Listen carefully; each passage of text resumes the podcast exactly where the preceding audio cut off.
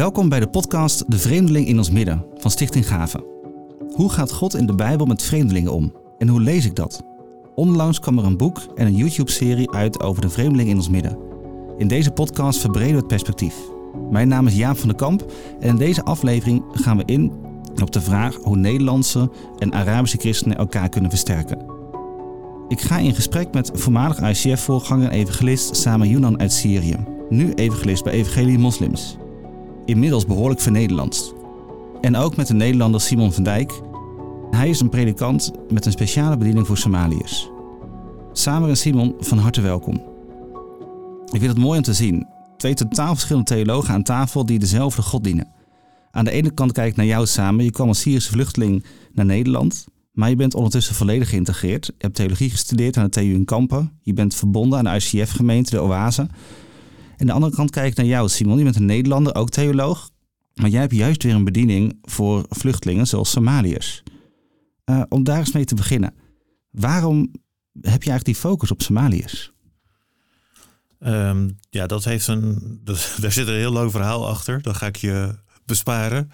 Maar het komt er eigenlijk op neer dat ik in, in 2008 uh, eigenlijk tegen wil en dank een hele sterke roeping heb ervaren voor dit volk. Ik zag uh, de vacature die ik nu vervul, nog steeds vervul, zag ik voorbij komen op internet. En ik werd heel erg geraakt door uh, de omschrijving daarvan. Ik had ook het idee dat dat bij mij paste. Alleen op dat moment had ik nog zoiets van: oh jongens, Somaliërs. Ja, dat beeld is niet altijd positief. Nee, dat is heel erg jammer. En dat kom ik eigenlijk nog steeds regelmatig tegen. Dat mensen een negatieve kijk hebben op Somaliërs.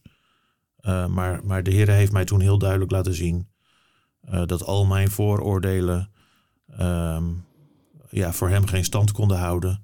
En dat hij het was die mij riep voor dit volk. En toen heeft hij me ook echt een liefde gegeven voor het Somalische volk. En ik weet dat het zelfs zover gaat dat je ook mensen in huis hebt soms. ja, dat klopt. Ja. Je bent goed op de hoogte.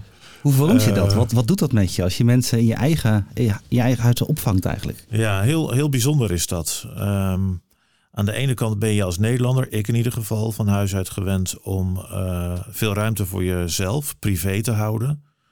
En dan ineens lopen er mensen uit een hele andere cultuur uh, door je huis zitten op je bank. Uh, je deelt eigenlijk bijna alles met elkaar.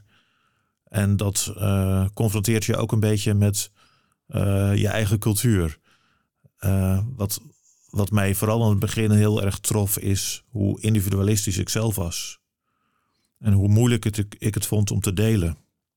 En dat, dat was voor mij ook echt een les van oké, eh, God roept ons overal in de Bijbel op om het te delen, om gastvrij te zijn.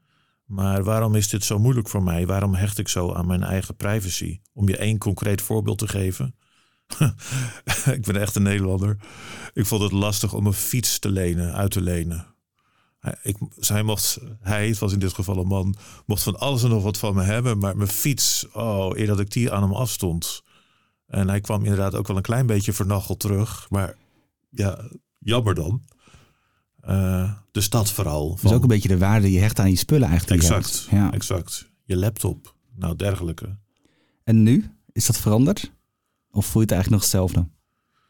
Uh, nou, ik, ik ben daar wel echt in veranderd. Ik geef nu veel makkelijker dingen uit handen. En mijn vrouw en ik geven ook rustig gewoon de huissleutel uit handen. Uh, en dus ook in handen aan de ander. En uh, daar gaat voor ons iets heel krachtigs van uit. Dat je zegt, we vertrouwen je zo. Dat je zelfs de sleutel van ons huis krijgt en dat je overal bij kan.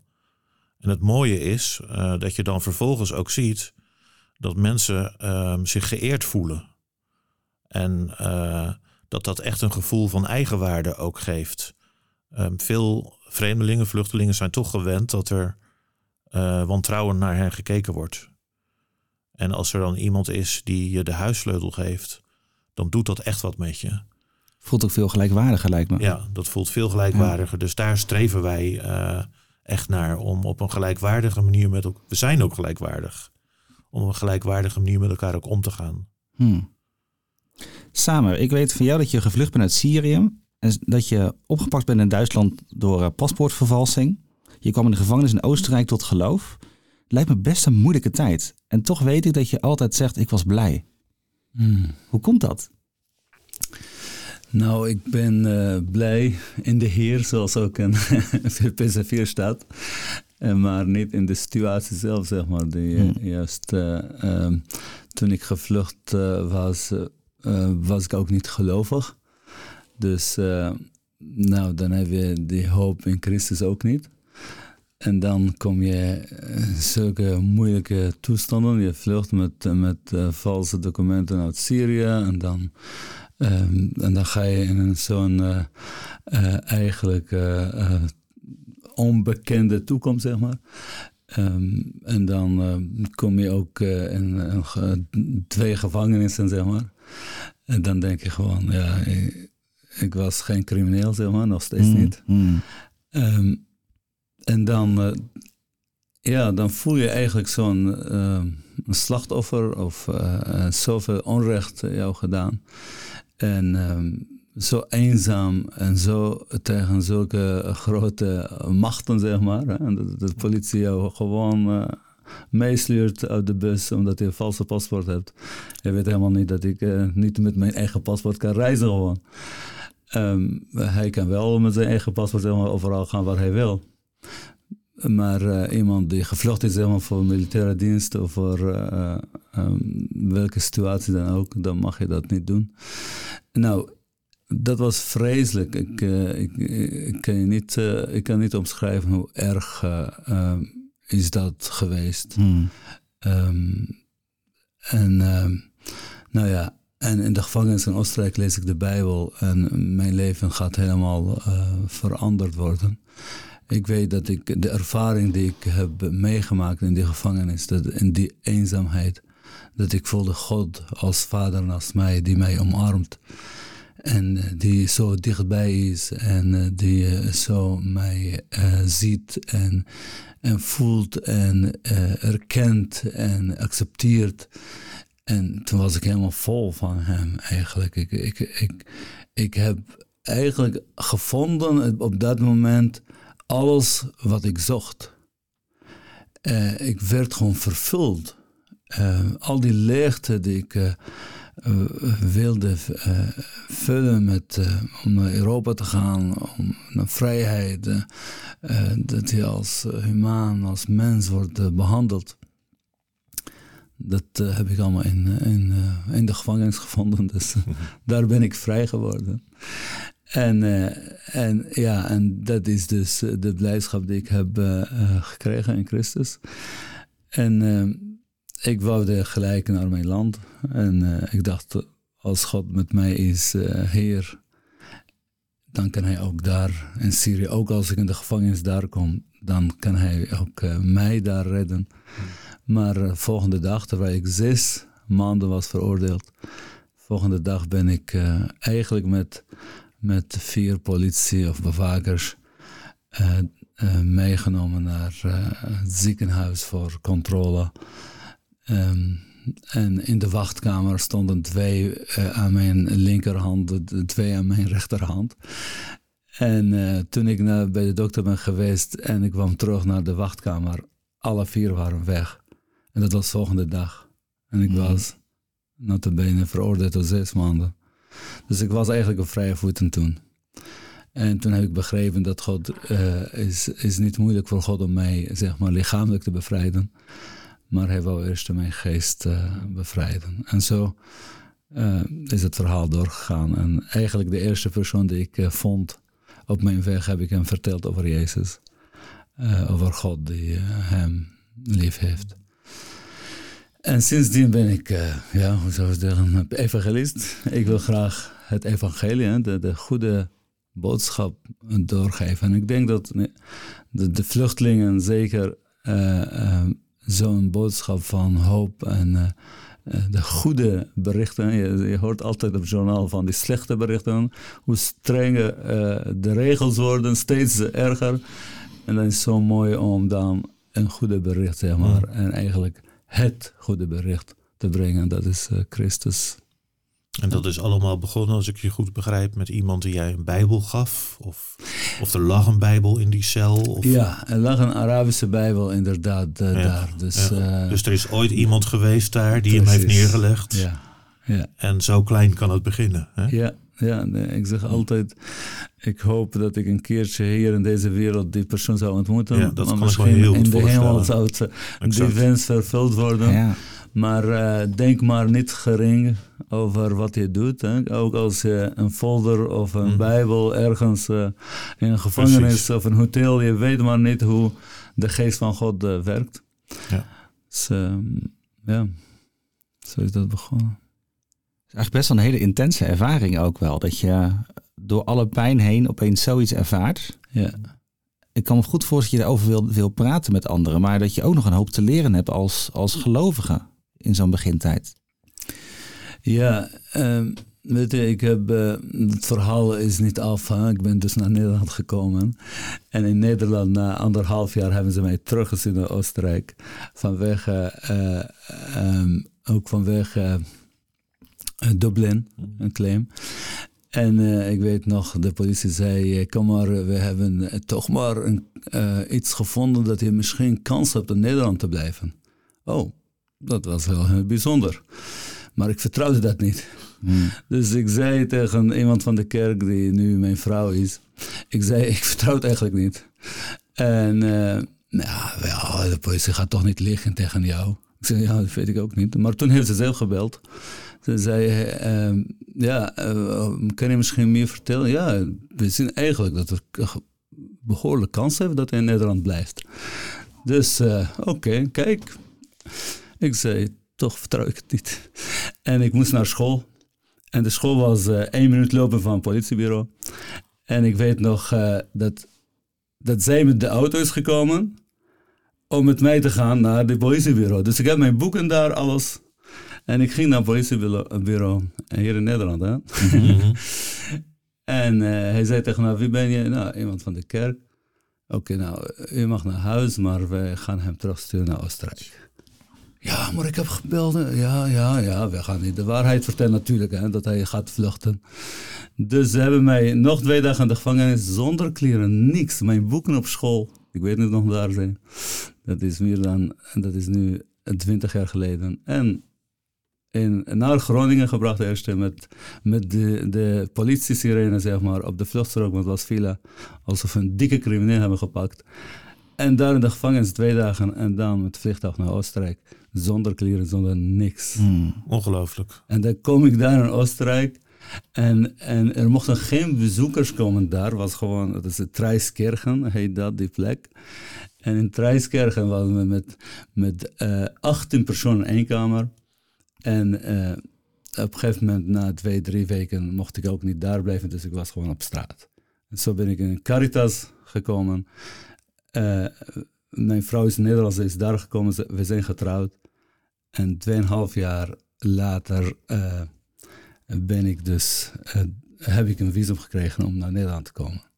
Dus op die manier ben ik toch tweeënhalf jaar in Oostenrijk doorgebracht. En over de vraag, nu terug te gaan dat ik even moet leren, eh, die 2,5 jaar, het lijkt eigenlijk wat ik nu vertel vreselijk en dat was echt vreselijk. Ik wenste op dat moment dat ik dood ging. Hmm. Toen ik daar op het politiebureau zegt, jij mag gaan. En hij wordt weer teruggestuurd naar Oostenrijk. En, en alsof mijn hart stilstond. Maar weet je, ik ben zo dankbaar voor voor die 2,5 jaar in Oostenrijk. Ik noem dat de woestijntijd. Ik heb zoveel dingen geleerd. En als ik nu de verhalen vertel hoe trouw was, God met mij. En hoe hij, mij heeft geleerd om te vertrouwen, ook als je niets hebt. En dat was, dat was de leermoment. En nu kom ik naar Nederland en ik heb alles eigenlijk. En dan moet ik altijd denken, Samer, het is niet afhankelijk van je huis en van je auto, van je inkomen en van, van, van, noem maar wat. Denk maar aan die tijd. En om heel eerlijk te zijn, soms denk ik dat ik meer vreugde had toen ik niets had in de Heer, dan nu met alles wat ik heb. Want soms denk ik dat mijn vreugde hangt af van wat ik heb. Dus ja, moeilijk tijden. Ik heb heel veel geleerd. En ik ben dankbaar ook voor het, het kwaad, het onrecht die mij als asielzoeker, zeg maar, als vluchteling is aangedaan eigenlijk. Dus God uh, gebruikt alle dingen ten goede voor degene die hem lief hebben, die hij uitverkoren heeft. Hmm. En deze vers uit Romeinen 8, vers 28 is eigenlijk sindsdien het fundament van mijn leven geworden. Hmm. Ja. Het lijkt een beetje op de geschiedenis van Jozef ook wel, hè? Ja. Dat jullie hebben het ten kwade gedacht, maar God heeft het ten goede gedacht. Precies, ja. Hmm. Heel bijzonder. Ik ben wel benieuwd, Simon, want je hoort heel vaak zulke soort verhalen, denk ik. Mm Ehm, misschien niet gelijk vergelijkbaar, maar gewoon een verhaal van mensen die een, een heftige reis hebben meegemaakt. Kan je kort iets delen over wat het dan met je doet?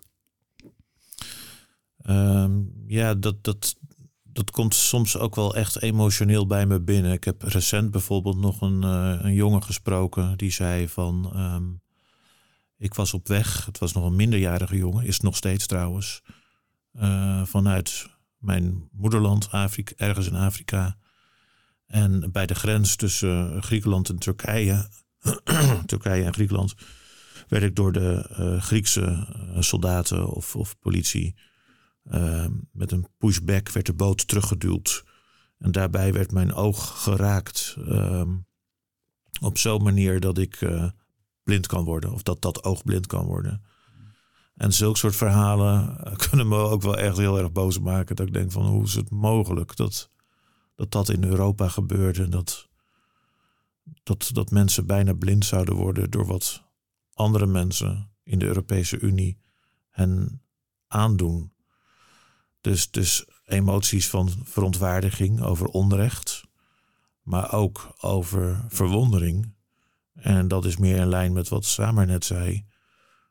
Uh, ja, hoe God zijn kinderen vasthoudt, hmm. dwars door alles heen. En dat mensen inderdaad soms zeggen van de tijd in de gevangenis was de beste tijd van mijn leven. Want toen was God heel dichtbij.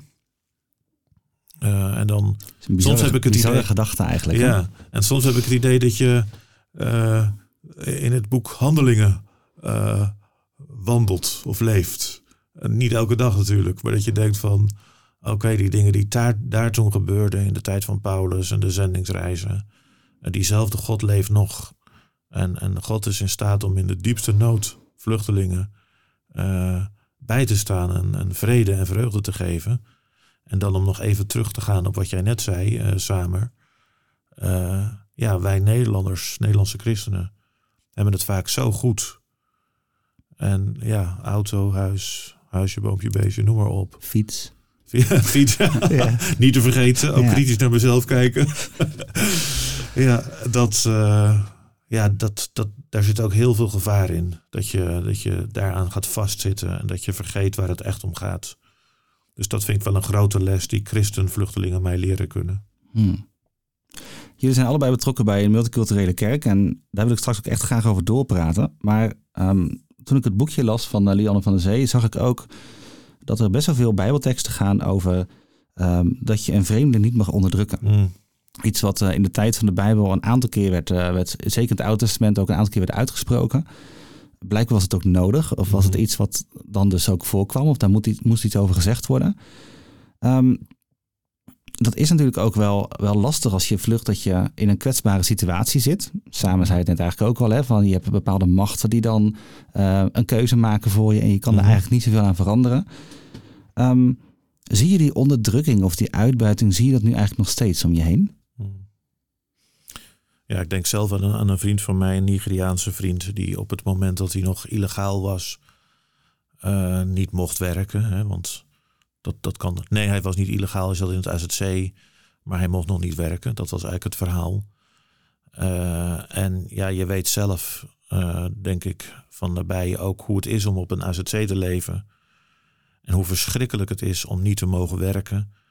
En toen op een gegeven moment was hij toch wat werk gaan doen.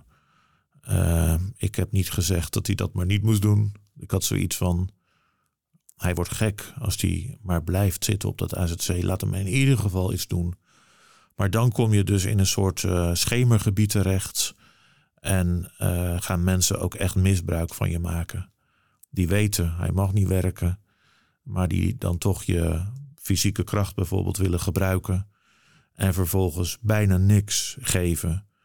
Of je onder druk zetten om overwerk te doen en nog meer overwerk. En je moet om je eigen geld smeken. Uh, dat heb ik een paar keer voorbij zien komen. Dat ik dacht van dit is gewoon pure uh, slavernij. Uh, ja, dat gebeurt absoluut. Maar ook in, in, kijk hoe, hoe de asielprocedure gaat. Hè? Als je kijkt naar asielzoekers die komen in Nederland en die, die gaan een maand hier en dan uh, gaan ze eventjes exact, uh, nestelen en dan worden ze weer gestuurd. En je mag niks zeggen, je kan gewoon niks tegenaan doen. Gewoon gehoorzamen. Naar volgende AZC blijf je daar een paar maanden, weer naar volgende AZC. En waarom is dat een probleem? Dat, die, die, die, vluchtelingen die komen, ze, ze worden als het ware uitgerukt, ontworteld van hun land. Hmm. Ze zoeken naar een plek waar ze even kunnen gewoon, kunnen gewoon uh, ja, een, begin maken. En dan gaan ze weer daar vandaan uitplukken. Uh, je moet gewoon denken aan een plant die je steeds hmm. van ene grond en andere grond. En die, die, kunnen gewoon niet meer. Uh, ze, ze maken wat, wat contacten en dan eens weer weg. Dat is eigenlijk ook een soort van ontmenselijking. Hè? ja, dat is, het ging over uitbuiting. Hmm. Maar dat is ja, misschien niet uitbuiting, maar wel je, je ontneemt iemand de kans om te wortelen. En volgens mij, als er iets goed zou zijn voor vluchtelingen, is dat ze langere tijd op een bepaald ja, AZC blijven. Contacten kunnen krijgen met de plaatselijke bevolking. Hopelijk de kerk. En ja, wat jij zegt, dat herken ik heel erg. Dat mensen van hot naar her worden gesleept. Soms ook echt uithoeken van Nederland. Dat je denkt van, ik moet op de kaart opzoeken waar überhaupt die plaats ligt. Van de ene hoek naar de ander. En maar weer je spulletjes oppakken. En maar weer opnieuw beginnen. Dat maakt mensen natuurlijk ontzettend depressief en eenzaam. En ook de, ik ken bijvoorbeeld één geval. Die een, een gezin met kinderen die al acht jaar hebben geen verblijfsvergunning. En de laatste afwijzing was een paar maanden geleden.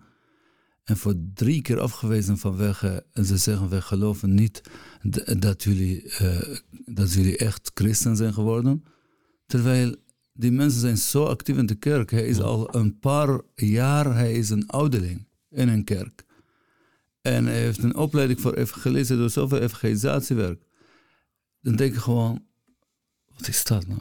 En je kan gewoon alleen maar zeggen, uh, je moet gewoon alleen maar accepteren mensen die oordelen over jou. Mm.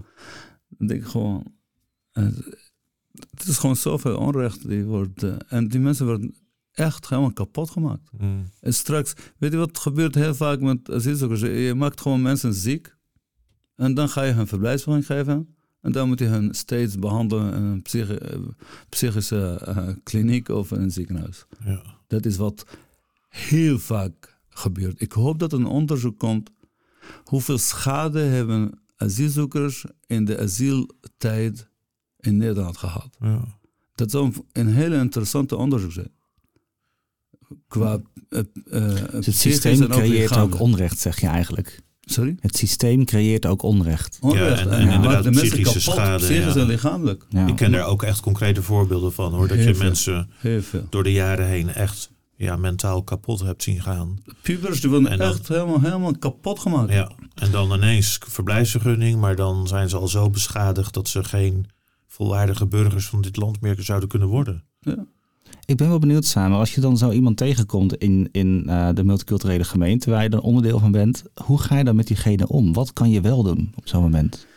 Ja, kijk, uh, niet voor niks ook uh, ben ik echt um, heel dankbaar dat ik mag uh, Christus verkondigen. Mm. Uh, dat je gewoon, zoals, kijk, ik heb het zelf meegemaakt, hè? dat je ervaart, God, jouw schepper, dat hij jou, jou ziet en jou uh, lief heeft. En als je kijkt naar Jezus en die zegt, ik was een vreemdeling. Mm. En je hebt mij bezocht, je hebt mij ontvangen in je huis. En dan zie je gewoon de, de, de, de liefde, de erkenning van Jezus voor zo'n vreemdeling, die wordt aan alle kanten door iedereen weggeschopt, zeg maar. En dan of, of iedereen wenst dat ze af van hun kom, komen, zeg maar. Maar ehm, het is zo prachtig dan als je dan laat zien wie Christus is en hoe hij zichzelf identificeert met een vreemdeling. Mm. En dan hoe hij zijn volgelingen aanspoort om hun voor hen te zorgen. Alsof zij voor hem dat doen.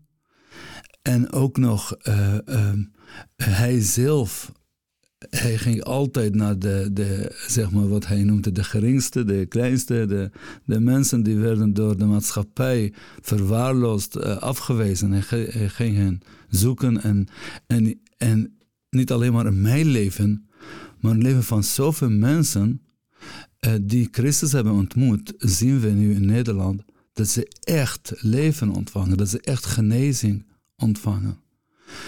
Dus um, ja, we proberen eigenlijk doordat we Christus te verkondigen en, en te leven ook zoals Christus leeft en van ons verhaalt, de genezing te brengen in al die schade die zij meegemaakt hebben in hun leven.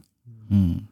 Dat is wat, wat, wij, uh, wat wij proberen te doen in verschillende steden in Nederland. En da daarbij kan ook de gemeenschap een hele belangrijke rol spelen.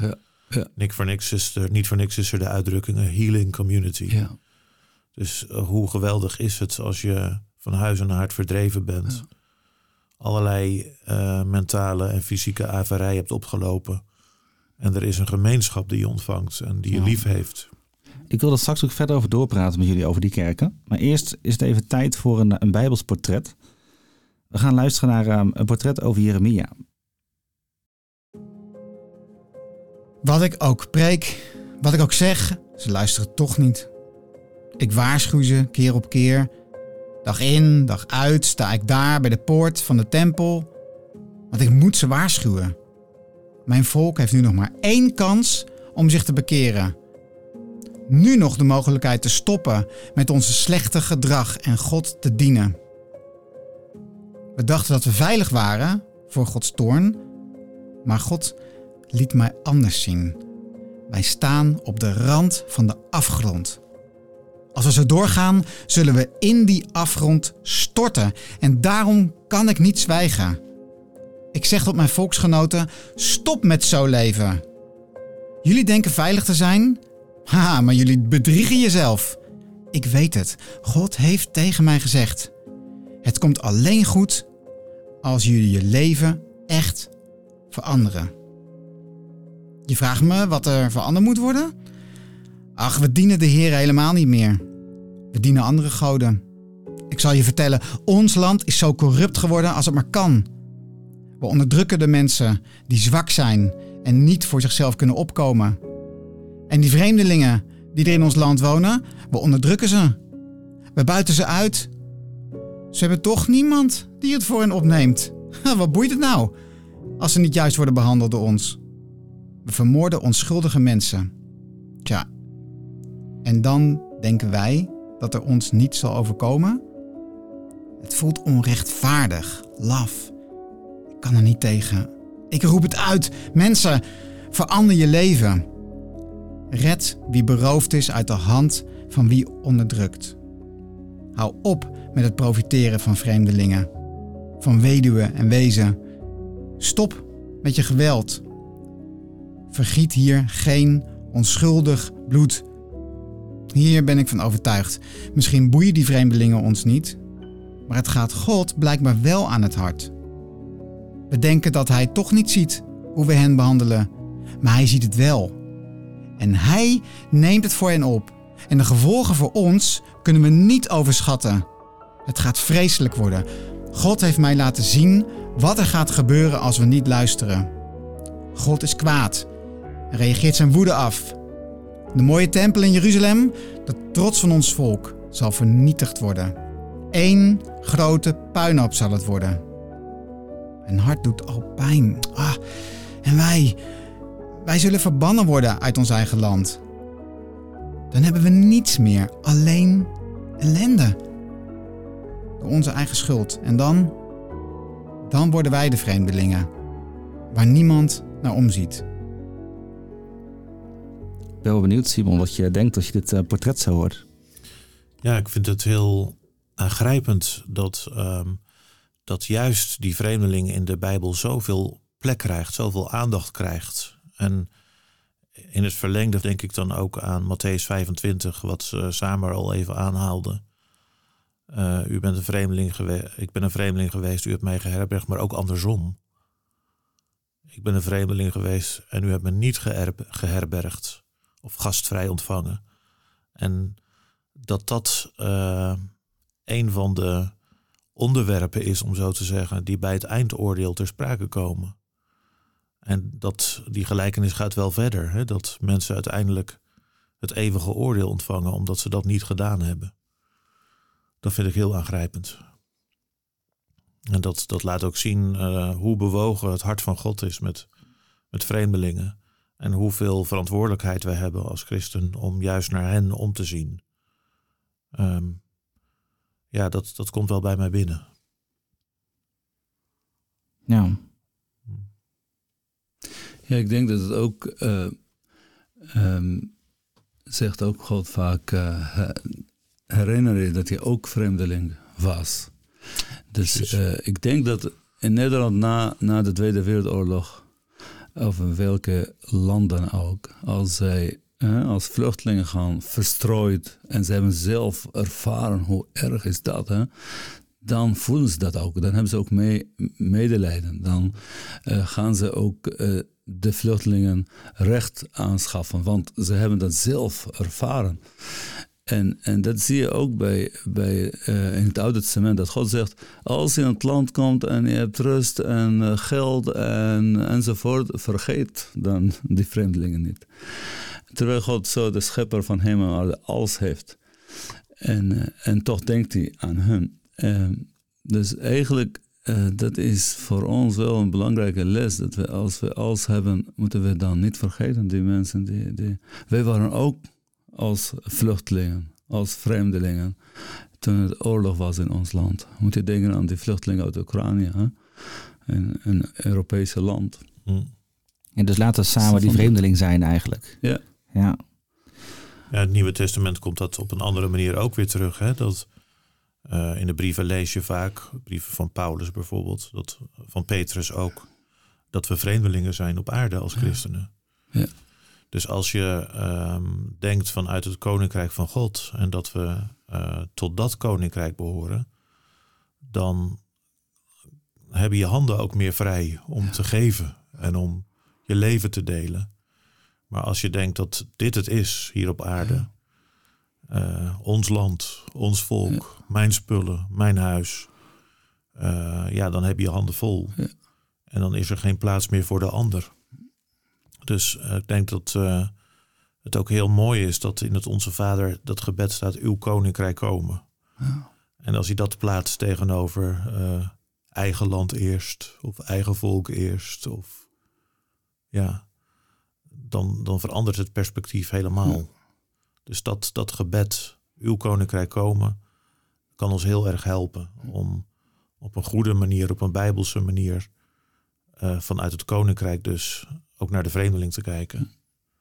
Ja, en dat is denk ik ook wel wat je, wat je doet op het moment dat je in een multiculturele uh, kerk zit. Mm-hmm. Dan, uh, dan ervaar je daar ook wel iets van, denk ik. Samen, jij hebt er veel ervaring mee. Hè? Wat is eigenlijk de meerwaarde of de kracht van zo'n gemeenschap? Um, nou, ik denk dat um, het is sowieso belangrijk dat, dat uh, van alle volken bij elkaar zijn en, uh, en dat ze wat ons bindt is, is, de eenheid in Christus en de liefde van Christus.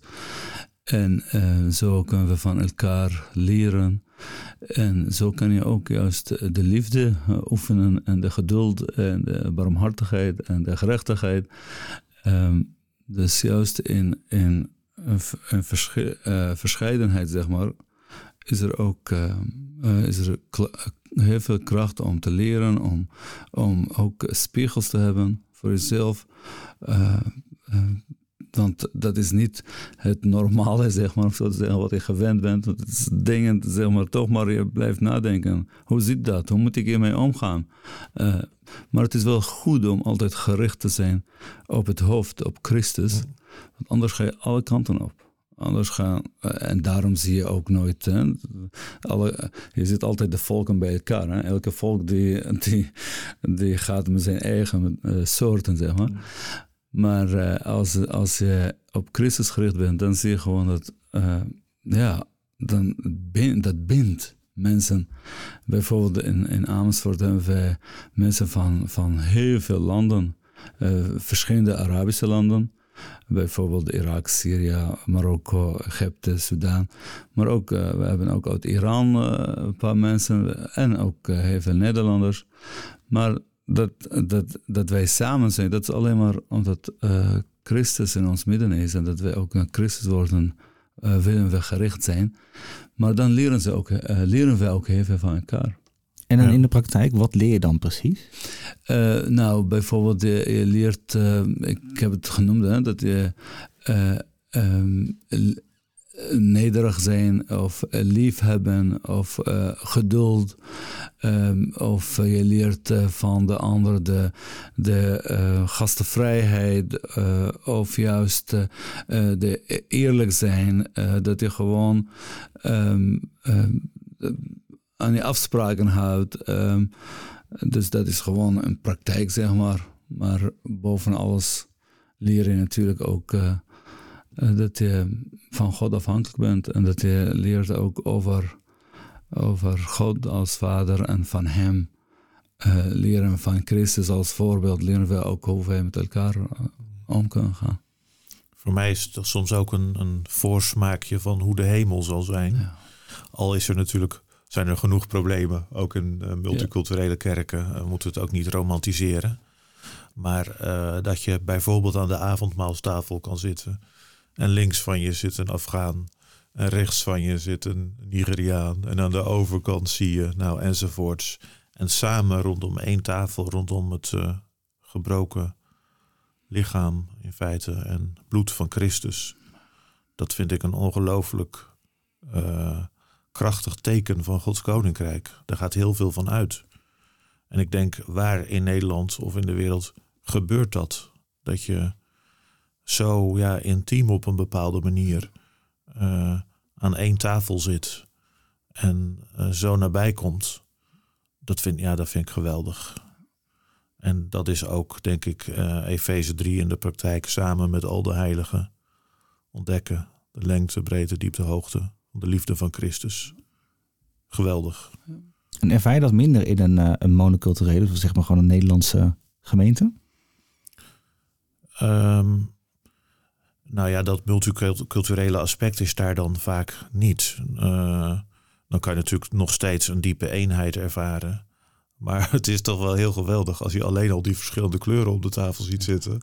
En die verschillende gewoonten en kleding. En ook mensen die eigenlijk elkaars vijanden zouden moeten zijn, omdat ze tot een andere clan behoren. Eh, heel concreet, een Oekraïner en een Rus aan dezelfde avondmaalstafel. Dat is, dat is iets geweldigs.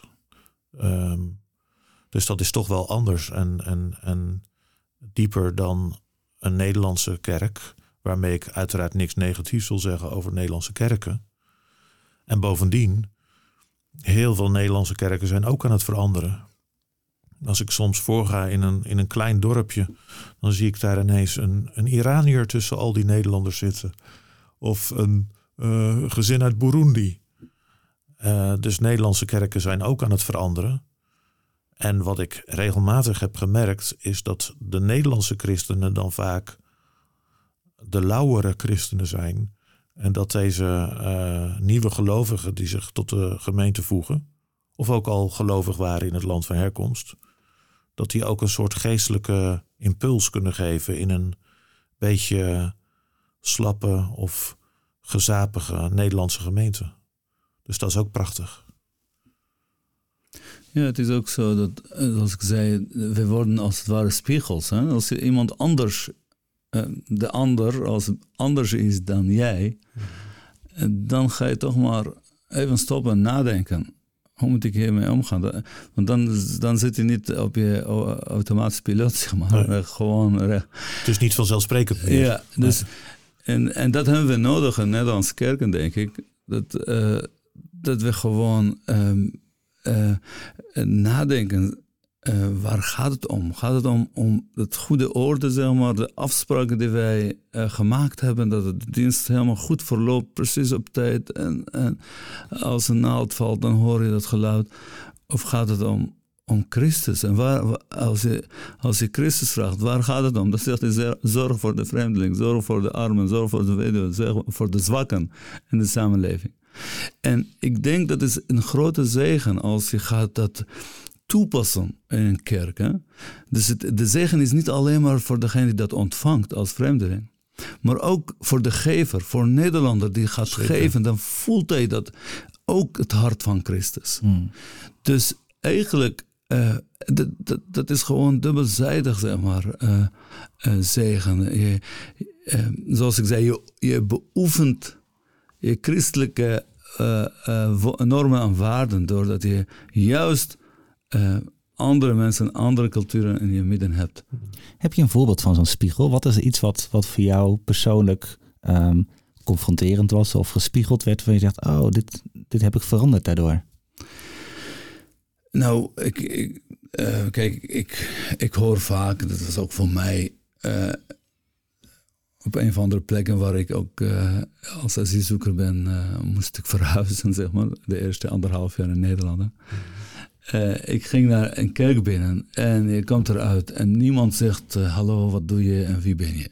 Hmm. Je gewoon voorstellen. Hè? Dus ik ben gewend een andere plek waar ik juist heel veel activiteiten waren. En toen moest ik gewoon naar het verre noorden en dan kom ik in een kerk en ga ik eruit en niemand zegt: Wat doe je hier? Dat vond ik eigenlijk heel vreemd. En, en en er was geen enkel contact tussen de kerk en de vluchtelingen. En op een gegeven moment heb ik uh, dat gewoon uh, bij de kerk uitgebracht. Hoe zit dat eigenlijk? Er zijn zoveel vluchtelingen hier. En, en, niemand gaat naar hun toe. Niemand helpt hen om, om het evangelie, eh, om Jezus te ontmoeten. Of dat zij de liefde en aandacht van Jezus zien. En dat was wel een, wonder van God. Maar binnen, binnen één of twee maanden was een bijbelstudie geregeld in het AZC. waren auto's die kwamen hun elke zondag meenemen. Een samenvatting van de preek die ik ging vertalen. Een koffiebar. Dat was echt een wonder. Echt veel gebeurd. twee maanden was het helemaal veranderd. En dat is ook zo dankbaar voor zo'n Nederlandse kerk die, die ook open stond om zo'n opmerking en gingen ook aan de slag daarmee. Dat vind ik en dat kwam wel van een vluchteling. Misschien dat heeft dan ook meer uh, indruk gemaakt. Maar dan zie je gewoon, doordat die vluchtelingen kwamen daar, dus tientallen vluchtelingen kwamen daar, toen was eigenlijk de kerk ook levendiger in het evangelie, zeg maar. Hmm. Delen en leven. En, en dan ervaar je ook de woorden van Christus eh, van dichtbij. Het is niet alleen maar woorden in een boek, maar dan beoefen je dat als het ware. Ik ben benieuwd, Simon, want ik herken dat ook wel. Dat um, als je een kerk hebt, die, daar komt dan een vluchtelingendienst binnen, dat er een beetje zo'n ongemak ontstaat. Wat moet je eigenlijk doen? Of hoe werkt dat? Of, nou ja, het is heel goed dat jij dus hebt aangekaart samen. Maar um, wat zou jouw tip zijn om ja, tegen iemand die luistert, die zegt: Ik heb eigenlijk geen contact met een vluchteling, zit wel in zo'n kerk. Waar begin je dan? Ja, ik denk dat um, mensen overal in elk klein dorp zijn er wel wat vluchtelingen omdat Nederland dat spreidingsbeleid kent, dus dat iedere gemeente een x aantal vluchtelingen per jaar moet opnemen. Dus er zijn allicht in iedere kerk mensen die vluchtelingen als buren of in de straat of een eindje verderop hebben wonen. Ze tegenkomen in de winkel. Misschien moet je, ik wil niet stigmatiseren, iets vaker bij de Lidl boodschappen gaan doen dan bij de Albert Heijn. Eh, maar er zijn zoveel uh, momenten waar je elkaar kan tegenkomen. En ik denk heel eenvoudig, dat probeer ik ook in mijn eigen buurt, buurt te doen. Uh, iemand aankijken, iemand groeten, vragen hoe het gaat. Eerlijk gezegd, uh, je krijgt vaak zoveel respons. De een zegt, uh, wil je me hiermee helpen? En de ander zegt, wil je misschien een keer met me gaan fietsen? En een derde heeft weer wat anders. Ik ben soms bij de, ik ben soms bij de bang om vragen te stellen of contacten te leggen. Omdat je ook niet alles kan. Maar volgens mij uh, vriendelijk zijn, belangstelling tonen, niet zomaar aan mensen voorbij lopen. Uh, daar begint het mee. En wat betreft de kerk, um, soms reageren mensen heel erg enthousiast. Oh, mag ik ook naar de kerk? Uh, ze hebben blijkbaar, ook moslims, ze hebben soms het idee dat ze niet naar een kerk mogen. Is er ook iets voor de kinderen? Uh, zulke, zulke soort reacties kan je echt krijgen. En ja, de drempel is soms hoog om naar een kerk te gaan. Aan de andere kant zijn er ook veel vluchtelingen echt op zoek naar vrede, op zoek naar gemeenschap, op zoek naar God. Um, en dan moet je denken als christen niet denken van, oh, maar mijn kerk is te zus of te zo, of de liturgie is te statisch. Of de kerk mag gewoon de kerk zijn, maar waar mensen naar zoeken is liefde en gemeenschap. En die struikelen niet over allerlei liturgische dingen. Die, die willen mensen hebben die van ze houden. En zien dat het evangelie ook onszelf heeft veranderd. Um, het is niet altijd zo ingewikkeld als wij denken. Dus niet te veel nadenken over die drempels, maar eigenlijk gewoon exact. doen. Ja, ja. De ontmoeting aangaan. Exact. Ja. Simon en Samer, hartelijk dank voor het gesprek. Ik was in gesprek met uh, Simon van Dijk, met evangelist Samer Yunan uit Syrië, allebei betrokken bij een multiculturele gemeente. En wil je meer weten over dit onderwerp? Luister dan eens naar de andere aflevering van deze podcast, bekijk de videoserie op YouTube of lees het boek De Vreemdeling in ons midden van Lianne van der Zee. De links van alle media vind je in de show notes. Deze podcast is een uitgave van Stichting Gaven en werd gemaakt door Matthijs van Engelen en Lianne van der Zee. Met dank aan Ronald Koops en Joost Bastiaans.